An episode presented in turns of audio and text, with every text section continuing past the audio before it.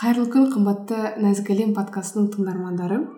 Бүгін бізде ә, төртінші рет келіп отырған ә, қонағымыз төребек бекбаев. Ә, мен психологтардың психологы деп атайтын ә, ағамыз. Мен осы астанадамыз. Астанада екінші рет келдім әр семинарыңызға. Және әр келген сайын жаңағы құлпатшаға екінші рет ә, нәпсіге отношенияға ә, сұрақтар пайда болды. ә, сол үшін бүгінгі подкасттың тақырыбы қаржы психологиясы және ризық түсінігі болса. Бастамас бұрын оқырмандармен амандасып өтсеңіз болады. Мхм. Ассалаумағалейкум тағы да қош көрдік. Қуаныштымын. Шақырғандарыңызға.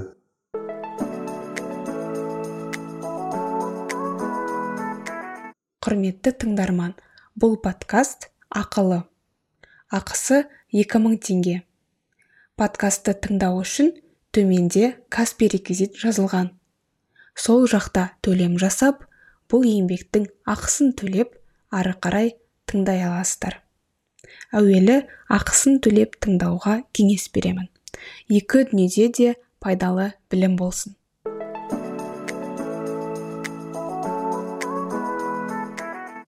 Ағай ә, бірінші сұрақ. М жаңа ризық түсінігі болсын дедік қой. Бірінші сұрақ ризық дегеніміз не? Оған анықтама айтып кете аласыз ба? Және ризықты қалай түсінген дұрыс? Мхм. Ризық деген негізінде арабша сөз ғой. Арабша бізге келген. Ризық қамтамасыз ету деген мағынаны білдіреді. Обеспечение. То есть барлық нәрсені бізді кім осы жерге жіберген болса сол қамтамасыз етеді да сол бізге жеткізеді бәрін ризық соныкі ризық беруші сол ол алла тағаланың берген барлық нәрсесі сонда ризық иә иә бүкіл берген нәрсесі бізге қамтамасыз еткен нәрсенің бәрі ризық мысалға жақсы дос бәрі ризыққа жатады ауа ризық пайдаланатын нәрсе деген сөз біз не нәрсе пайдаланатын болсақ соның бәрі ризық қолданатын болсақ. Машалла. Ә, енді мындай сұрақ пайда болады да осыдан кейін. Ризық деген нәрсені екіге бөліп қарастыруға бола ма? Яғни өмір сүруге қажет минимум жаңағы пайдалануға болатын минимум және еңбекке қарай берілетін бонустар яғни бір көп байлық деп қарастыру керек па? Байлық және минимум прожиточный минимум деп те айтады ғой. Иә. Осылай екіге бөліп қарастыруға бола ма? Негізінде болады. Бізге берілген прожиточный прожиточный минимум деген яғни өзімізге қажет минимум. Ол бізге қарайды да бұл жағы. Ал бірақ берілген бонустар бар ғой. Еңбекке қарай берілетін бонустар. Оны өзгеге жұмсау үшін жақсылық үшін жақсылықтарға жұмсауға арнауға болады. Садақа беруге. Иә игі істерде соларда жұмсауға болатын. Сол екіге бөлуге болады. Ал өзіміз қолдансақшы ол бонустарды? Бізге минимум негізінде жеткілікті. Негізінде. Мхм. Бізде қолдансақ болады. Маңызды болған. Кім үшін қолданамыз?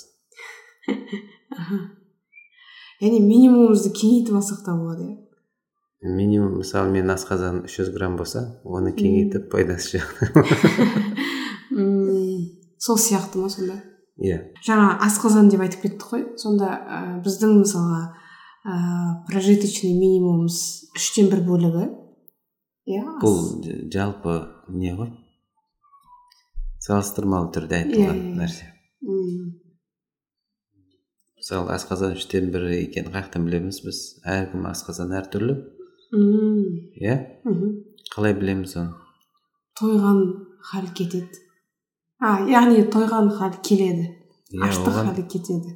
тойған хал емес аштық кетеді. Аштық сезімі кеткенше да тойғанша емес. Екеу екі түрлі сезім негізінде а, иә. Аштық сезім кеткенше и тойғанша деген. Тойғанша деген сөз асқазан жарылайын деп жатыр. Сол жарылғанша жеу артықшылық та ысырап болады да. Ысырап болады. Сол секілді андай өзімізге қажет мысалы мен минимумнан. иә қажет минимум. Маған бір көйлек қажет болса дәл сондай екі көйлек или үш көйлек алатын болсам олар босқа тұратын болса қажет емес қой. Иә иә иә. Қолданбайтын болсам бірақ ауыстырып киетін болсам ол минимум бола- болады. Мм. маған қажет минимум болады да. Мхм. Ал бірақ бос тұратын болса ол кезде ысырап болады. Мм күшті күшті күшті. түсінікті. Сонда ысырап деген ііі қолданбайтын қолданбайтын артық зат. артық зат па? Иә. Оны өзгеге жұмсау керек та. Жаңағы ризықтың екінші бөлігі бар ғой. Иә, екіге иә, иә. бөлетін болсақ. Біреу минимум маған тиесілі. Мхм. А қалған бонустар өзгеге тиесілі да. Мм. бөлісуге болатын. Маған ақыретке егілетін бонустар негізінде олар. Аа, егілу керек сол үшін тұрған бонустар иә? Иә. Біз өмір бойы сол бонус үшін жүгіретін секілдіміз да. Мм. негізінде жаңағыдай ғой маған артық салмақ та керек емес артық тамақ та керек емес артық үшінші етік керек емес қой маған. Иә иә сол сияқты Мм. бәрі идеальный мхм біз анау ашкөздікпен аз деп ойлаймыз минимум деген нәрсені.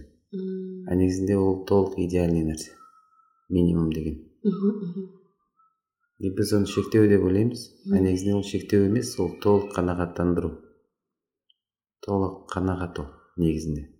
Минимум толтыру ол толық қанағат. Ал қанағат деген ең үлкен байлық. Иә. Аха қанағат деген ең үлкен байлық. Қазақтарда да мақал бар ғой иә? Қанағат қа- қарын тойдырады деп. Иә қанағат қарын тойдырады. Соны сезу үшін да яғни минимум иә.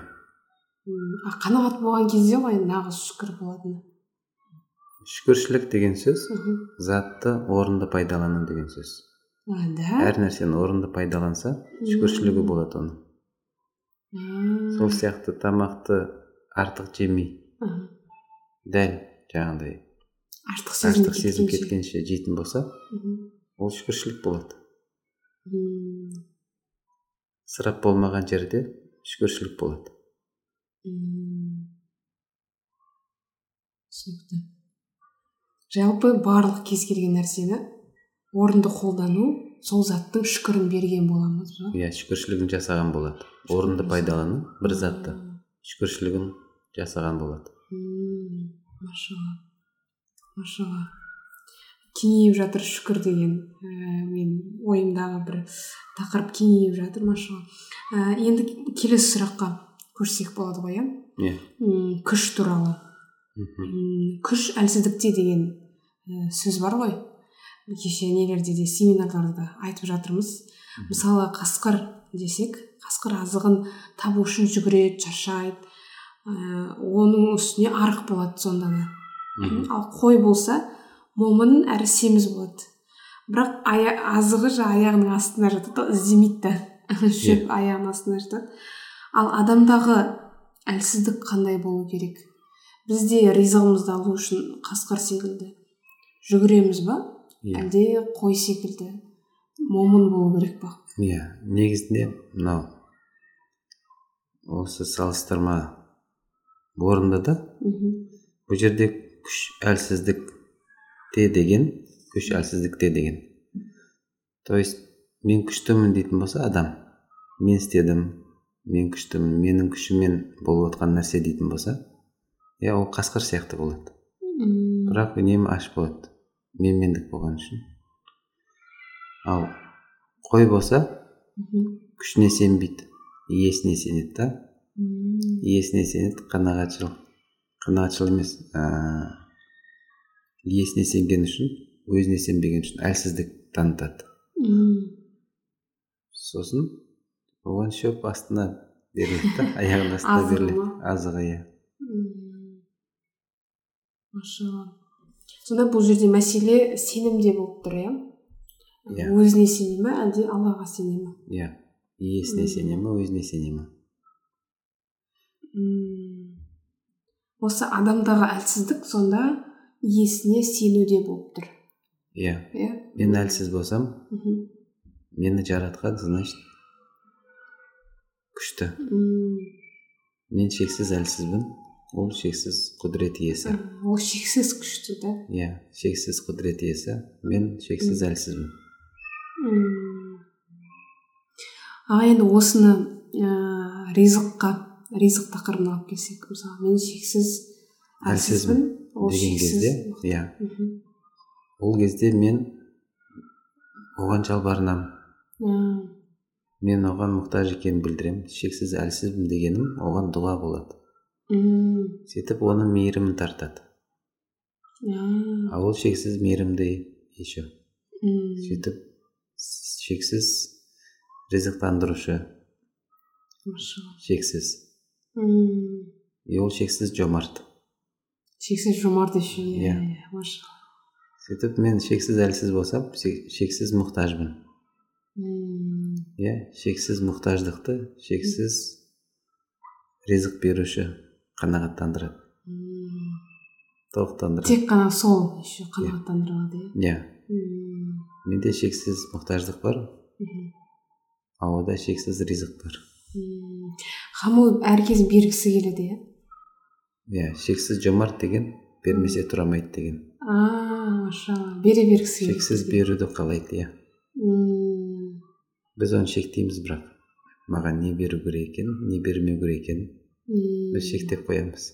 Машалла ал ә, мына жақтағы ә, ер адамдар да тыңдайды да подкастты и ә, адам қалай әлсіздігін енді ол мықты болу керек шешім шығару керек деп айтамыз ғой. Ер адам отношения семинарында да мысалы солай айтылады да. Әйел адам емес ер адам шешім шығару, шығару керек. М, осы жерде олардың бірақ әлсіздік күш әлсіздікте деп атаймыз. Иә. Ә- как иә. Ерлердің әлсіздігі негізінде күші былай көрінеді да. Жаңағыдай иеленбеу мен істеп жатырмын емес. Маған беріп жатыр. Мен мұқтажбын. Мен әлсізбін. Иә құдірет иесі. Шексіз ризық беруші. Шексіз жомарт. Алла тағала. Солай білдіреді да. Бірақ мен құлмын құл болған кейін қызмет етемін. Ол ризық беруші. Мен жұмысым ризық үшін жұмыс істеу емес негізінде. Ризық тегін. Бізге беріліп жатқан ризық тегін. Біз оны сатып алмаймыз. Да. Аха. Сіздің ішіп жатқан суыңыз қанша тұрады? Екі жүз отыз. Аха. Ненің бағасы? Судың. Иә судың өзі тегін ғой негізінде. Иә. Сіз еңбектің бағасын бересіз. Адамдардың еңбегінің бағасын бересіз. Су табиғаттан бар. Су өзі ағып жатыр барып алсаңыз болады. Иә точно. Бірақ сізге біреу әкеліп берді. Соған рахмет айтасыз. Еңбегінің ақысын бересіз. Ал ризықтың өзі сізге тегін беріліп жатыр еще тек қана ризықтың өзі емес иә ризыққа не салып берді ләззат салып берді м, еще пайдасымен берді машалла қосымша шипасымен берді қосымша ішінде құдіреті бар. Шексіз білімі бар. Ішінде сауабы бар. Ішінде мейірімі бар. Махаббаты бар. Тағы несі бар? Құлшылығы бар. құлшылығы бар ризашылығы бар. М, алла тағала бізге бір нәрсені берді бірақ барлық нәрсені соның ішіне салып берді. Машалла сөйтіп жақсылық істесең бүтін істе дейді ма қайыр істесең бүтін істе дейді ма соны бізге үйретіп жатыр соны бізге көрсетіп жатыр яғни бір су ішкенде бәрін алып үйрен деп иә? Иә бір бір заттың ішінде көп нәрсе бар да алысқа барудың қажеті жоқ. Бәрі дайын тұр сол жерден адам сұрақ қоятын болса ойланатын болса бәрін көре алады ала алады біз су ішкен кезде ризық деп тек тәнімізді тойдыратын, той, тойдыратын нәрсе ойлаймыз да иә иә иә бірақ ол жерде ақылымызды тойдыр, тойдыратын нәрсе бар жүрегімізді рухымызды тойдыратын нәрсе бар иә иә соның бәрі ризық біз тек қана материалдық жағынан қараймыз. Иә. Оның ішінде рухани нә- нәрселер бар. Олар да ризық да олар да ризық. М. шынымен ризық және тұр иә өзімен өзі. Иә. Андай ыыы мен бір ойлаймын да ауа секілді ғой сондай иә. Мхм. мысалға ауа жүре береді тұра береді ғой. Бірақ ауаны алып тастасақ ауасыз жерге барсақ сол кезде ғана білінеді біз ауаның ішінде жүр екенбіз ол бізге беріп жатқан ризықты еще мхм. міндетсінбей береді да. Мен беріп жатырмын демейді. Өзі көрінбейді. Ол бізге кішіпейіл қарапайымдылықты үйретеді. Иә өзі көрінбейді. Ол бізге жақсылық істеуді үйретеді. Беріп жатқан жақсылықтың бәрін тегін береді. Бізге ешнәрсе сатпайды. Бәрі тегін. не үшін сатпайды? Себебі шексіз жомарт. Шексіз жомарт. Беруді қалайды. А бізде сатып алатын түк жоқ. Біз шексіз кедейміз шексіз мұқтажбыз. Ол беруші біз алушымыз. Ол ризық беруші біз ризық алушымыз.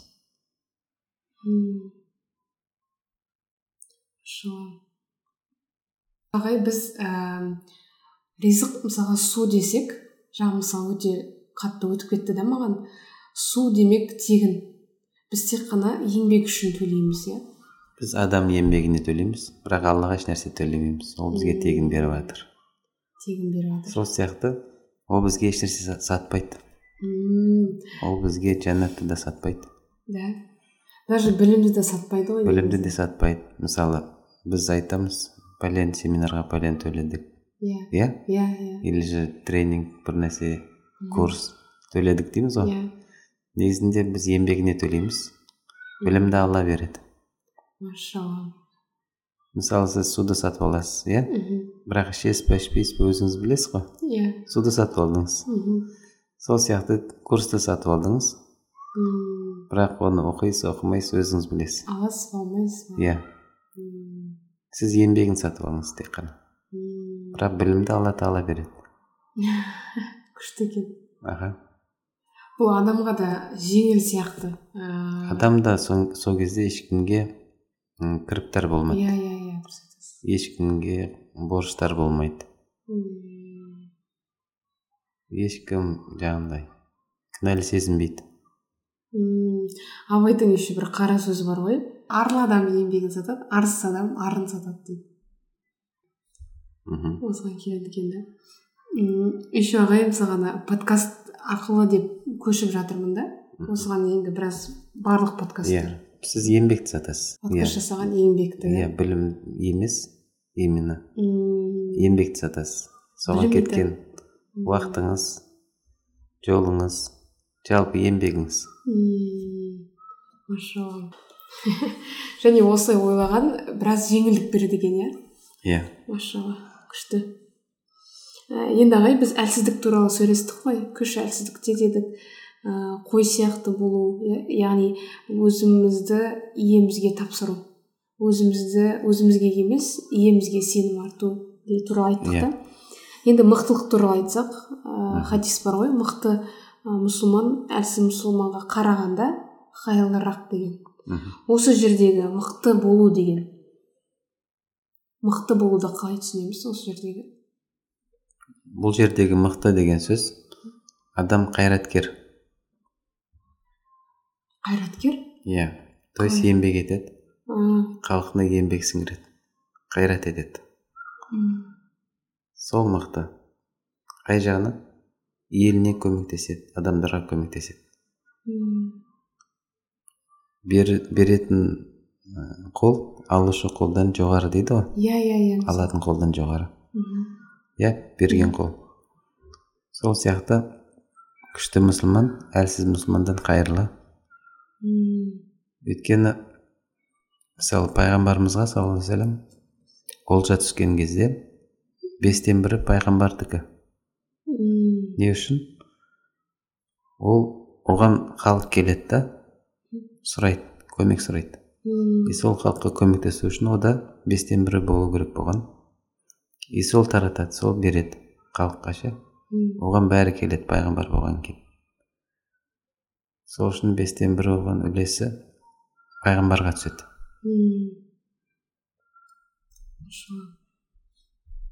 Яғни бұл жерде ә, халыққа ең көп қызмет етуде иә мағынасы? Иә. мықтылықтың иә? Иә беруде. Машалла. Ә, и мен жұбайым айтады да ер адам әскер секілді болу керек деп Иә. айтады да. Ә, соған да келетін сияқты яғни дисциплина ә, Иә. мықты болу қайраткер болу үшін дисциплина керек қой. Иә жүйелі түрде жұмыс істеу керек та. Қалай болса солай емес. Машалла. Түсінікті. Енді ақшаға қайтып келсек ой яғни ризық қаржылық қаржы психологиясына қайтып келсек ақшаға қандай анықтама берген дұрыс? Ризыққа анықтама бердік. Алладан келген барлық сый сияпат барлық нығмет пайдаланатын барлық нығмет ризық дедік иә? Иә. Ал ақша дегенге ақша деген еңбек ақысы. А, еңбек ақы. Бір адам еңбек ақысы. Мхм. и ол бір инструмент. Инструмент. Иә ол да инструмент. Бізге берілген нәрсенің бәрі инструмент қой. Иә иә. Не үшін берілді? Құлшылық ету үшін? Тек қана. Иә? Құлшылық ету үшін. Сол сияқты ақша да бізге қызмет етеді. Онымен құлшылық істеуге болады. Алла үшін жұмсаған кезде алла үшін тапқан кезде. Яғни бұл ақшаға анықтама берсек ол аллаға жетелейтін құрал. Иә. Бір сөзбен да. Ол да бір құрал. Яғни бүкіл бізге берілген нәрсенің бәрі құралдар ғой. Иә иә иә. Ол да бір құрал. И оны да орынды қолдану ол да шүкір болады. Орынды қолдану ше? А орынды қолдану деген қандай осы жерде? Мысалы орынды пайдалану ысырап етпеу. Мен ақшаны қағаз екен деп туалетте қолдансам ысырап болады. Қағаз екен деп ше? Иә иә оның орны туалет емес. Сол сияқты. Орынды қолданса уже Иә. ысырап емес иә? Иә орынды қолданса ысырап емес. А осы жерде сұрайыншы кіріс шығысты қалай есептеген дұрыс есептеу керек пе? Мысалға жаңағы ысырап болып кетпес үшін бәлкім біреулер есептеп жатады ғой. Иә. Бірақ андай аллах тағаланың несін ризығын есептеме есептегіміз де келмейді да егер адамда жаңағыдай ыыы минимум бар ғой берілген Иә. минимум. Соны асырмайын деп есептейтін болса болады. М. өзіне ше? Мхм, асырмайын деп. Мхм, үштен бірін жейін деген. Болады. А өзгеге берген кезде есептемесе де болады.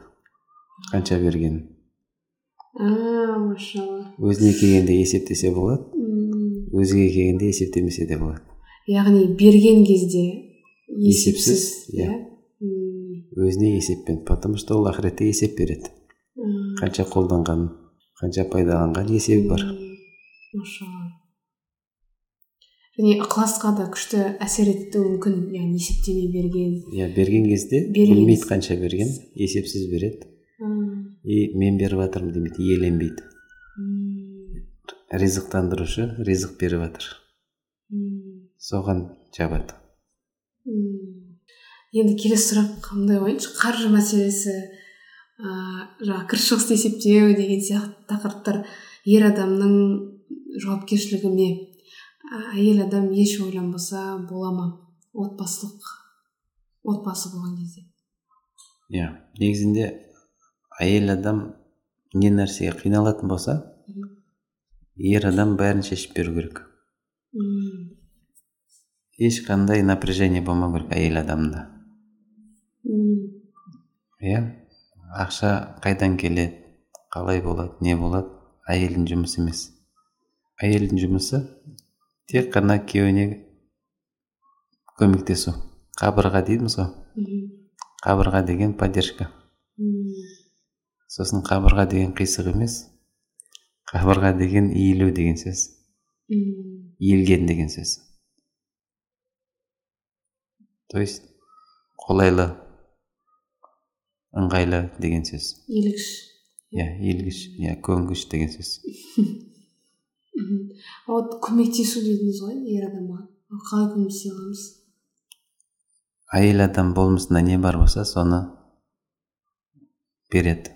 Әйел адамда сезім көп. Иә. Сезімін береді. Ер адамда шешім көп. Шешім. Шешімін береді. Ол бәрін шешіп береді.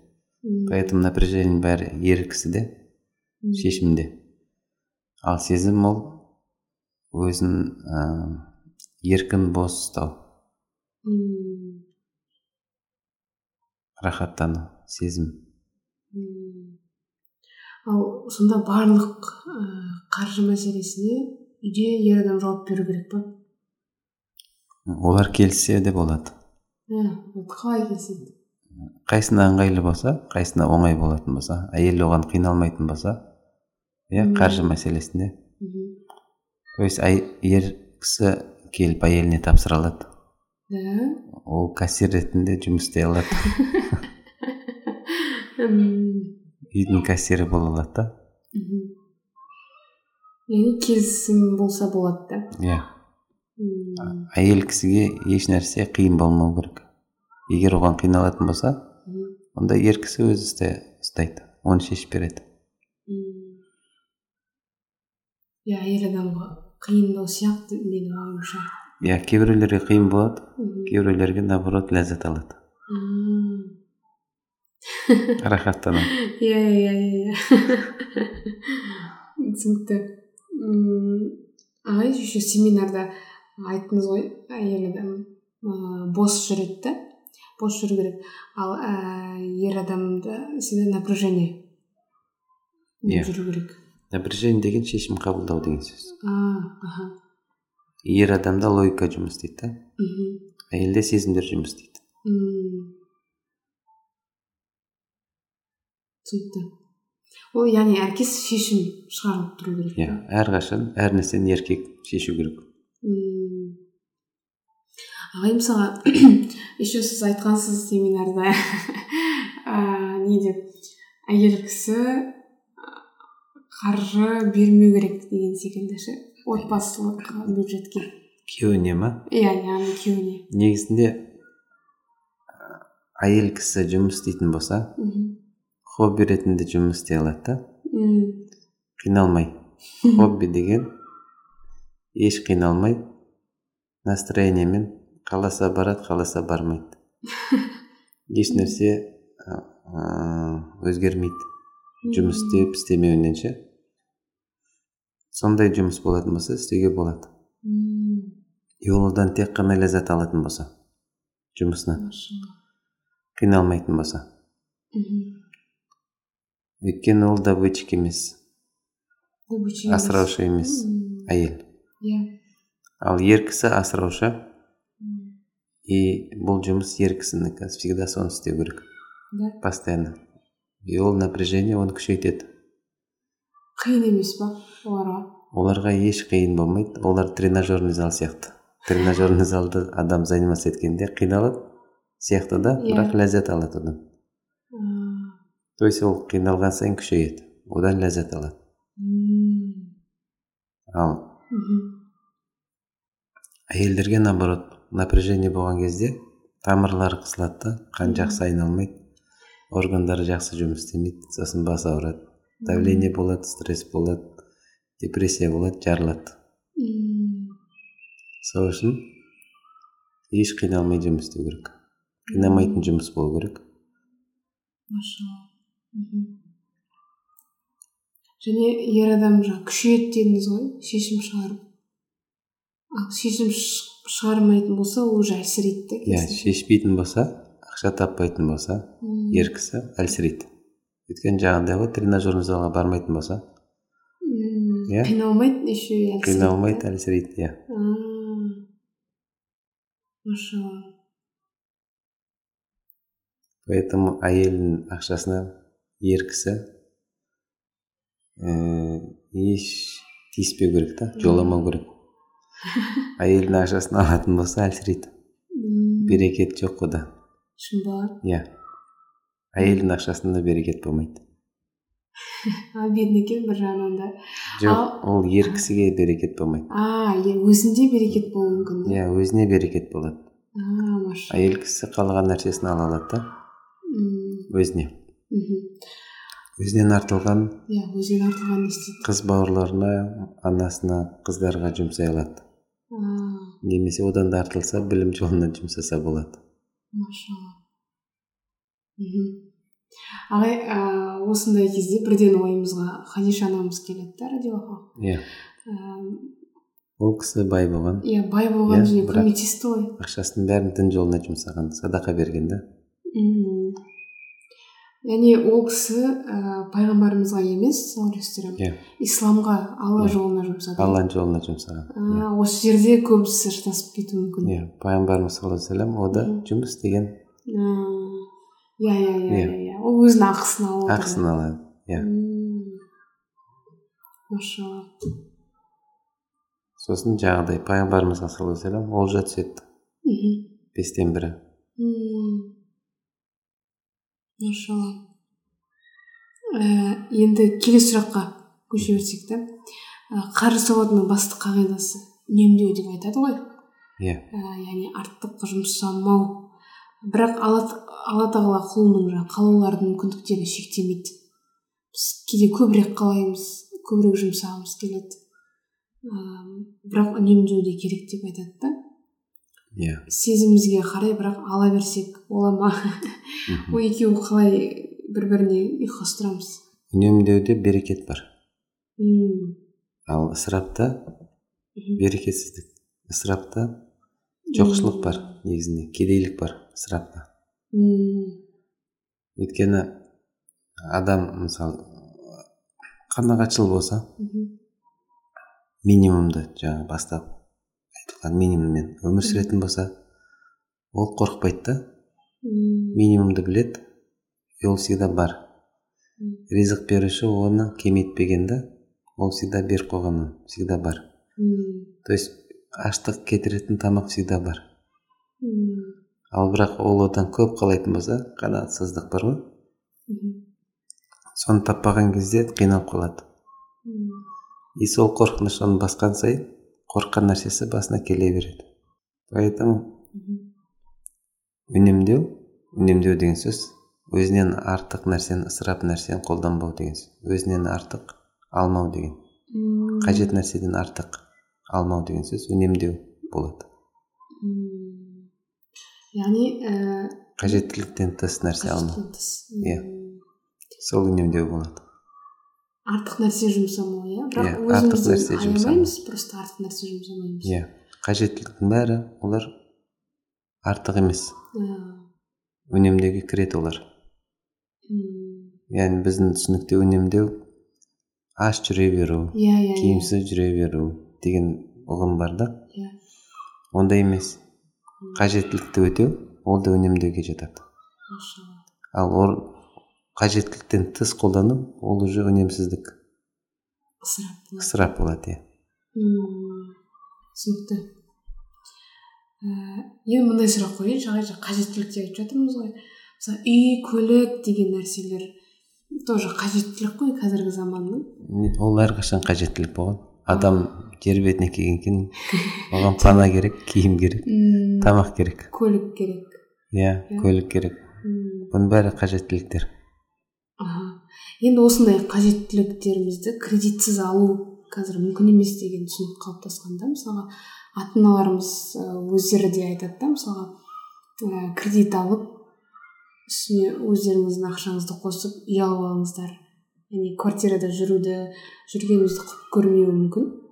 Кредитсіз алуға ә, болмайды мүмкін емес деген бір ойда шектеулер болады да. Және ол бізге де жұғуы мүмкін. Қайта қайта қоғаммен ата анамызбен айтылған сайын. Осыдан қалай құтылуға болады? Жаңа сіз айтқандай шектеулер ойда болады дедіңіз. Шектеудің бәрі ойымызда сыртта емес. Ойымызда не бар болса сол сыртымызда айна болады. Поэтому ол шектеуді алып тастау өз қолыңызда алла тағала бізді шектеген жоқ. Сұра берем деді. Біз бірақ сұрамаймыз да шеше бастаймыз. Кредит алсам үй болады деп. Шешім қабылдаймыз. Менде шектеу бар. Басымда значит кредитсіз болмайды. Тек кредит алсам болады. Иә иә иә. Шектеуді мен қойдым бірақ. Алла тағала қойған жоқ оны. Мен қойып қойдым. Немен шешіп жатырмын. Сөйтіп ұмытып кеттім. Алла тағала сұрасаң берем деген. Иә. Иә сұра берем деген ғой. Жаңағы қой. Не істейді? Сұрайды. Қой сұрайды да. Иесінен иесінен сұрайды. Бірақ жатпайды ол. Ол жүгіреді. Шөпті іздейді ғой. Иә иә. Шөп жеген кезде ол ары бері жүреді ғой. Бір жерде тұрмайды. Тоқтамайды еңбек етеді. Жатып алмайды. Сол сияқты сұрағаннан кейін еңбек етеді. Алла тағала береді. И алла тағала айтады. Мен бүкіл сұрақтарға ә, сұрауларға жауап беремін дейді. Дұғаларға жауап беремін. Құл асықпаса болды дейді. Құл асықпаса барлық дұғаларына жауап алады. Біз просто асығамыз да шешіп тастаймыз. Мен кредитпен алуым керек деп ал бірақ алла тағала бізге көп жерде көрсетеді ешқандай үмітсіз болған жағдайда да иә ең үмітсіз болған жағдайда да алла тағала оған күтпеген жерден ризық береді мысалы мысалы ибраһим алейхисалам ы, қартайған шағында қартайған шағына дейін бала сұраған ол үмітін үзбеген сұрай берген да алла тағала оған да жауап берген. Сөйтіп ибраһим алейхисалам таң қалған. Менің әйелім де уже қартайды бізде қалай бала болады? дегенде алла тағала не дейді? Бұл алланың ісі дейді. И көрсетіп жатыр бізге. Ешқашан үмітсіз болмайды. Күтпеген жерден ризық береді. Бүкіл дұғаларға жауап беремін дейді. Асықпаса болды дейді да. Біз асығамыз. Біздік мәселе просто сұрау. Біздің иә біздің жұмысымыз тек сұрау. Сұрау да. Ал осы жерде сұрақ бар, бар да. Мысалы біз сұрағаннан кейін андай күтеміз да. Ә, Иә. бірақ ә, күту демек ә, бір шартым бар деген сөз ғой. Қазір болсыншы. Иә күтетін болсақ тағы біз қиналамыз. Вот вот вот қалай біз Иә. Күтпей сұрасақ болады негізінде күтпей сұрасақ та болады. Егер кім үшін сұрайтын болса алла сұраға сұра деген үшін сұрайтын болса. Ол кезде біз шартсыз сұраймыз. Иә ол сұра деді просто сұраймыз. Дұға етіңдер дегені үшін ғана. Иә. Енді ә, қызық сұраққа келдік. Бай болу формуласы қандай? Оның формуласы бар ма? Негізі сұрақтың өзі андай біртүрлі сұрақ болуы мүмкін да. Ә, бізге әдетте бір формула керек та. Сол формуланы бүйтіп ә, қосып қойсақ болды бай болып кететін секілдіміз. Әлде дұрыс сұрақ па? Негізінде дұрыс сұрақ? Бай болу формуласы деген жүйесі яғни. Жатқан адамға келмейді да ол. Иә? Құранда аят бар «Ләһа ма касабат» деген. Иә кім нені кәсіп ететін болса соған соның табысы. Машалла. Иә? Мхм то есть адам не нәрсеге ұмтылатын болса не нәрсені істейтін болса сол оған кәсіп болады. Соның табысы оған болады өзіне. Ол оның дұғасы болады. Алла тағала сұраңдар берем дейді ғой? Иә. Сол оның формуласы. Сұрау. Бірақ әрекетпен сұрайды да. Жүйелі түрде жұмыс істейді. Мысалы күн шығарда ұйықтайтын болса мхм. берекет болмайды. М, именно күн шығарда тұратын болса сол күннің берекеті болады. Яғни ә, таң шығып кеткеннен кейінгі 45 минут иә? Иә. Күн шығарда 45 минут. М, ұйықтамайтын болса күннің берекеті болады. М, сол сияқты ата анасын сыйлайтын болса ол оның берекеті болады. Сосын ата анаға жататын солардың қатарында құрметте лайық болған солардың бауырлары жаңа көкесі әпкесі ата ананың бауырлары. Сөйтіп алла тағала айтады қарым қатынас үзбеңдер дейді. Иә олармен қарым қатынас үзгенмен мен де қарым қатынас үземін дейді. То есть алла тағала да ризық бермейді сол сияқты. Алланың жолында жұмсағандар алланың жолында жұмсағандар. Алламен мен арқылы бер дейтіндер болады да. Алланың жолына ше. Алла тағала береді ғой. Иә. Бірақ мен арқылы бер дейді да мен берейін. Менің қолымнан шықсын дегендей. Мм, алланың жолында жұмсайды. Олар берген сайын алла тағала бірге он қайтарады. Машалла. Бірге он қайтарады. Яғни он есе қайтарады дегендей ма? Иә. Он есе қайтарады алла тағала. Ол минимум. Он есе қайтарады. Ол ешқашан қарыз болмайды. Сол сияқты бұны да қалаған алла тағала ғой негізінде бәрін беруші алла тағала. Просто құл соған сүйсінеді да мен арқылы берді деп ше. Мені қолданды деп алланың жолында. Сосын формуласы әрине ол ы, ешқашан алдамау өтірік айтпау. Өтірікте берекет болмайды. Иә? Берекет барлық нәрсеге өтірік барлық нәрсеге әсер етеді. Бүкіл салаларға әсер етеді. Сол үшін пайғамбарымыз саллаллаху алейhi айтады. Күнәһар бола ала ма? Бола алады қорқақ бола ала ма? Бола алады. Өтірікші бола ма? А мүмин мүмин иман келтіргендер. Иә қорқақ бола ала ма? Бола алады. Күнә жасай ала ма? Жасай алады. Бірақ өтірік айта ма? Айтпайды дейді. Ал пайғамбарымыз да саллаллаху алейхи вассалам ең бірінші пайғамбарлық келмей тұрып әмин деген атаумен иә. ә, танылды ғой да? Иә. яғни шын шынайы шыншыл. Шыншыл. Иә. Пайғамбарымыз саллаллаху алейhi сондай атаққа ие болған. Ешқашан өтірік айтпаған. Оған бәрі сенген әмин деген сенімді деген. Бәрі оған сенетін болған. Яғни бұл жерде де аллах тағала қай қасиеттің ең маңызды екенін Иә. астын сызып айтып беріп тұр да. Иә. Көрсетіп тұр да. Яғни бай болу формуласы қысқаша айтқанда ә, шыншыл болу өтірік айтпау алдамау ешкімді иә. Ә, екіншіден туысқандармен қарым қатынас ата анаға және оның бауырларымен. Иә. туысқандар ғой. Иә. Қарым қатынас қандай қарым қатынас болу керек осы кезде? Құрмет. Құрмет та осы екі формула бар да. Және еңбек ету дедіңіз иә еңбек ету еңбек ету яғни кәсіп қылу и күн шығарда ұйықтамау а ол да бар екен ғой иә қиылып кетті ғой деген ба? Әзір. Күн шығарда ұйықтамау вообще ұйықтау болмайды иә. Иә бұның бәрі дайындық қиын емес. Мысалы адам жұмысқа бару үшін не істейді? Бірінші тұру керек Иә. бет қол жуу керек сосын тамақ ішу керек сосын киіну керек сосын жол жүру керек деген сияқты инструменттер әшейін. Жұмысқа жетудің ше? Бұл да бай болуға алдын жолындағы жол ғана иә? Бай болу. Иә бұл қазір ойыма келіп жатқан нәрселер просто. Машалла. Күшті. Енді келесі сұрақ. Ә, балада қаржы тәрбиесі неше жастан бастап үйретілу керек және қалай үйретілген дұрыс? Жалпы үйрету керек па балаға? Балаға еш нәрсе үйретудің қажеті жоқ. А точно.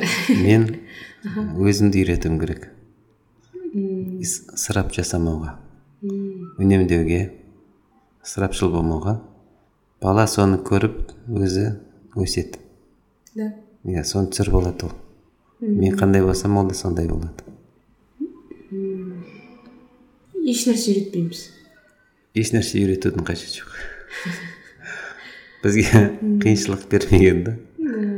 Мен тәрбиеші емеспін мұғалім емеспін. Мен ата анамын просто машалла. Келесі сұрақ онда. Ә, отбасылық отбасылық қаржыны қалай бөлген қалай жұмсаған дұрыс? Отбасылық қаржыға әйел адам да ер адам да ақша сала ала ма? Сала алады бірақ ер адам тек өзінің ақшасын ала алады әйелдікін ала алмайды кассада менің ақшам бар болса мен тек өзімдікін ала аламын да әйелінікіне тиіспейді.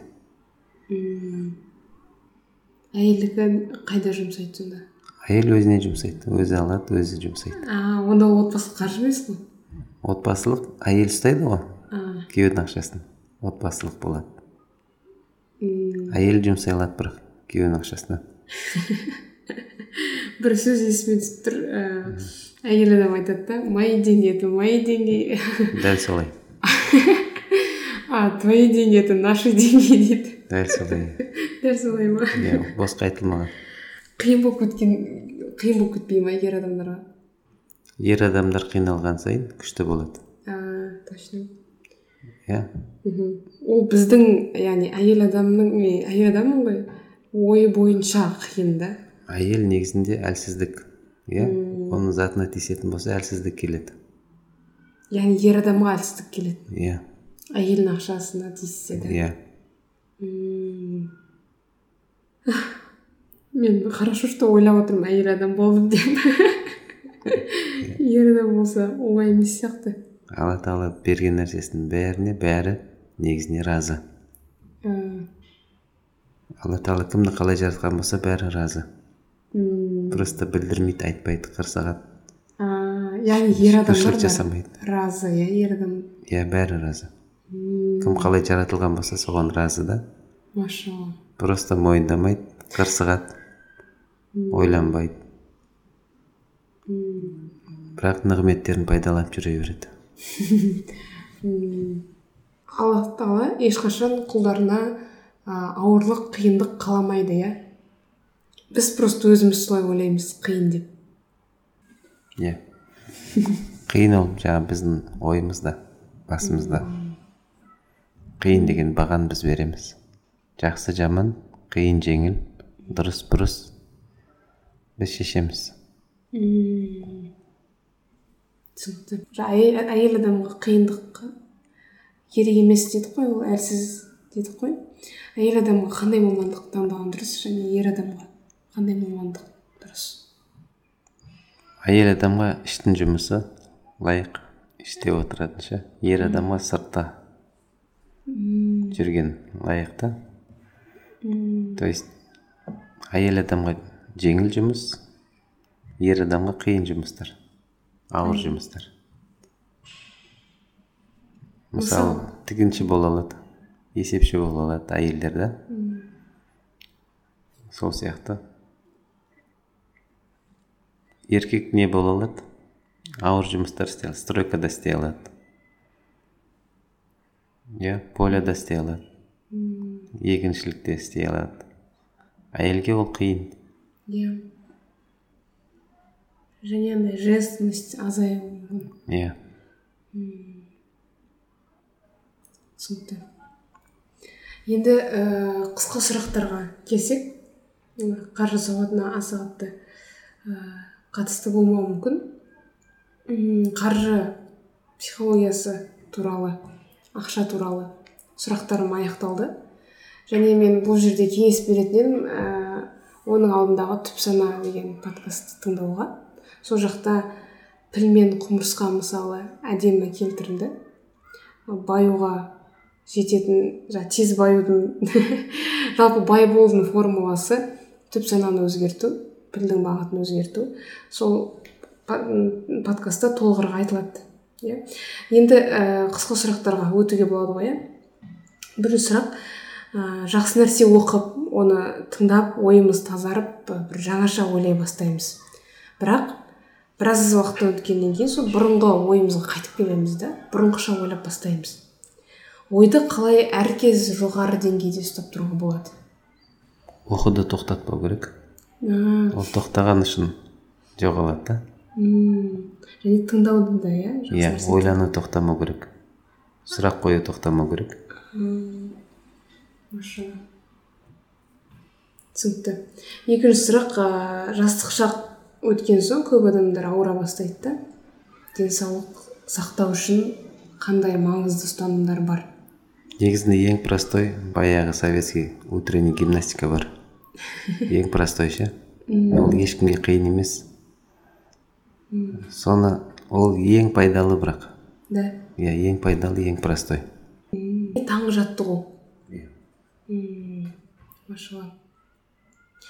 Ә, одан кейін сұрақ адам қателік жасаған соң жасаған кезде бір ә, тоқтап қалуы мүмкін да тежеліп қалуы мүмкін. Сонда қателік жасаудың хикметі неде? Және қателікті қалай пайдаға асыруға болады? Қателік те бір инструмент. Ол бізге опыт береді. Мм, жақсы мен жа- жаманды айырады көрсетеді. Бізге үйретеді. Сосын оған кешірім сұрайтын болса тәубе ететін болса ол сауап алады құлшылық болады. Сол арқылы қателіктер арқылы негізінде адам арасында қарым қатынас та нығаяды егер көркем түрде кешірім сұрайтын болса. Яғни қателік жасаудың хикметі тәубеде иә? Тәубе де бар. Ол жерде бір вариант емес. Ол хикмет болғаннан кейін бұлақ ол. Хикмет бо- болғаннан кейін? Бұлақта ол бір нәрсемен шектелмейді. Машалла көп себептер болады. Адамды шыңдау үшін де келеді иә? Иә. Потенциалын ашу үшін. Ойлана берсеңіз шай береді. Машалла. Енді келесі сұраққа көшсек болады ма? Саяхаттау ер, елді жерді көру маңызды ма? Қаншалықты маңызды? Негізінде маңызды қаншалықты жиі саяхаттау қажет иә маңызды өйткені ағын су тазарады ғой. Мхм. сол сияқты тұрғын су сасиды. Иә ел көрген ел көрген жаңарады. Ел көрген ғибрат алады. Оны құранда да айтады. Көрмейсіңдер ме деп ше? Сосын саяхат етіңдер. Денсаулық табыңдар деген да. Денсаулық табыңдар пайғамбарымыз саллаллаху алейхи вассалам денсаулық дегенде саулық табыңдар деген. То есть барлық мәселеде саулық табады ол. Саяхат етіңдер. Сапарға шығыңдар саулық табыңдар дейді ол жаңарады жаңағыдай. Барлық нәрсесін жаңарта алады. Қаншалықты жиі ол уже жағдайға байланысты настроениеға байланысты адамдарға байланысты жиілігі қажеттілігіне байланысты.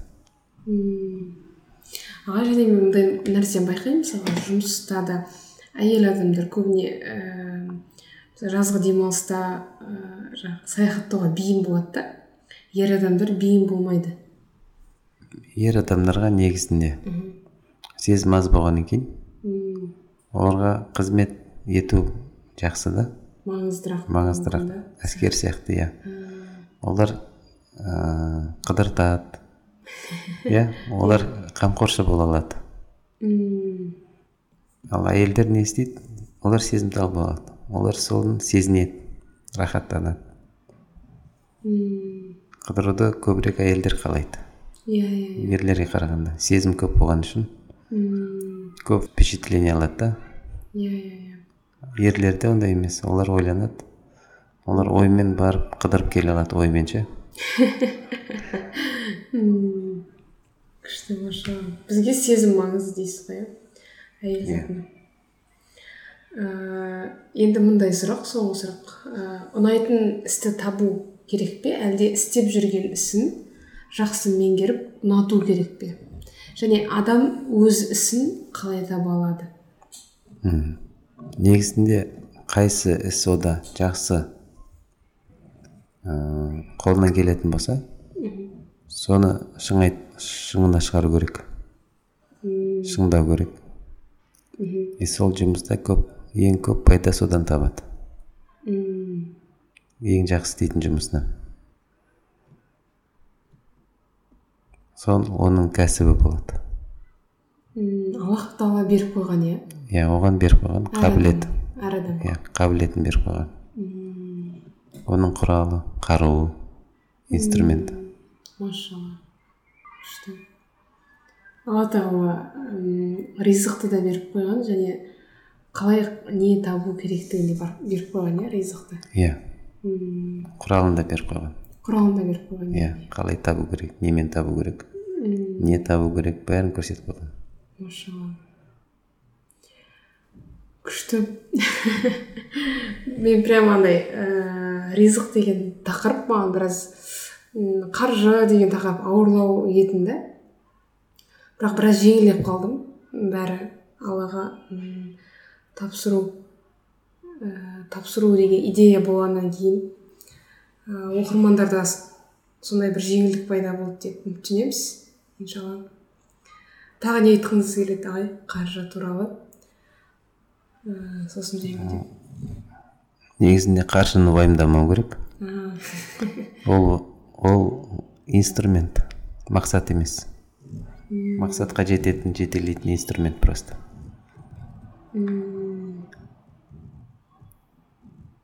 А қалай уайымдамауға болады? Мақсатты өзгерту керек. Мен кім үшін жұмыс істеймін жұмсаймын табамын? Кім үшін мақсат қою керек? Машалла түсінікті. Рахмет онда подкастымызды ә, аяқтаймыз.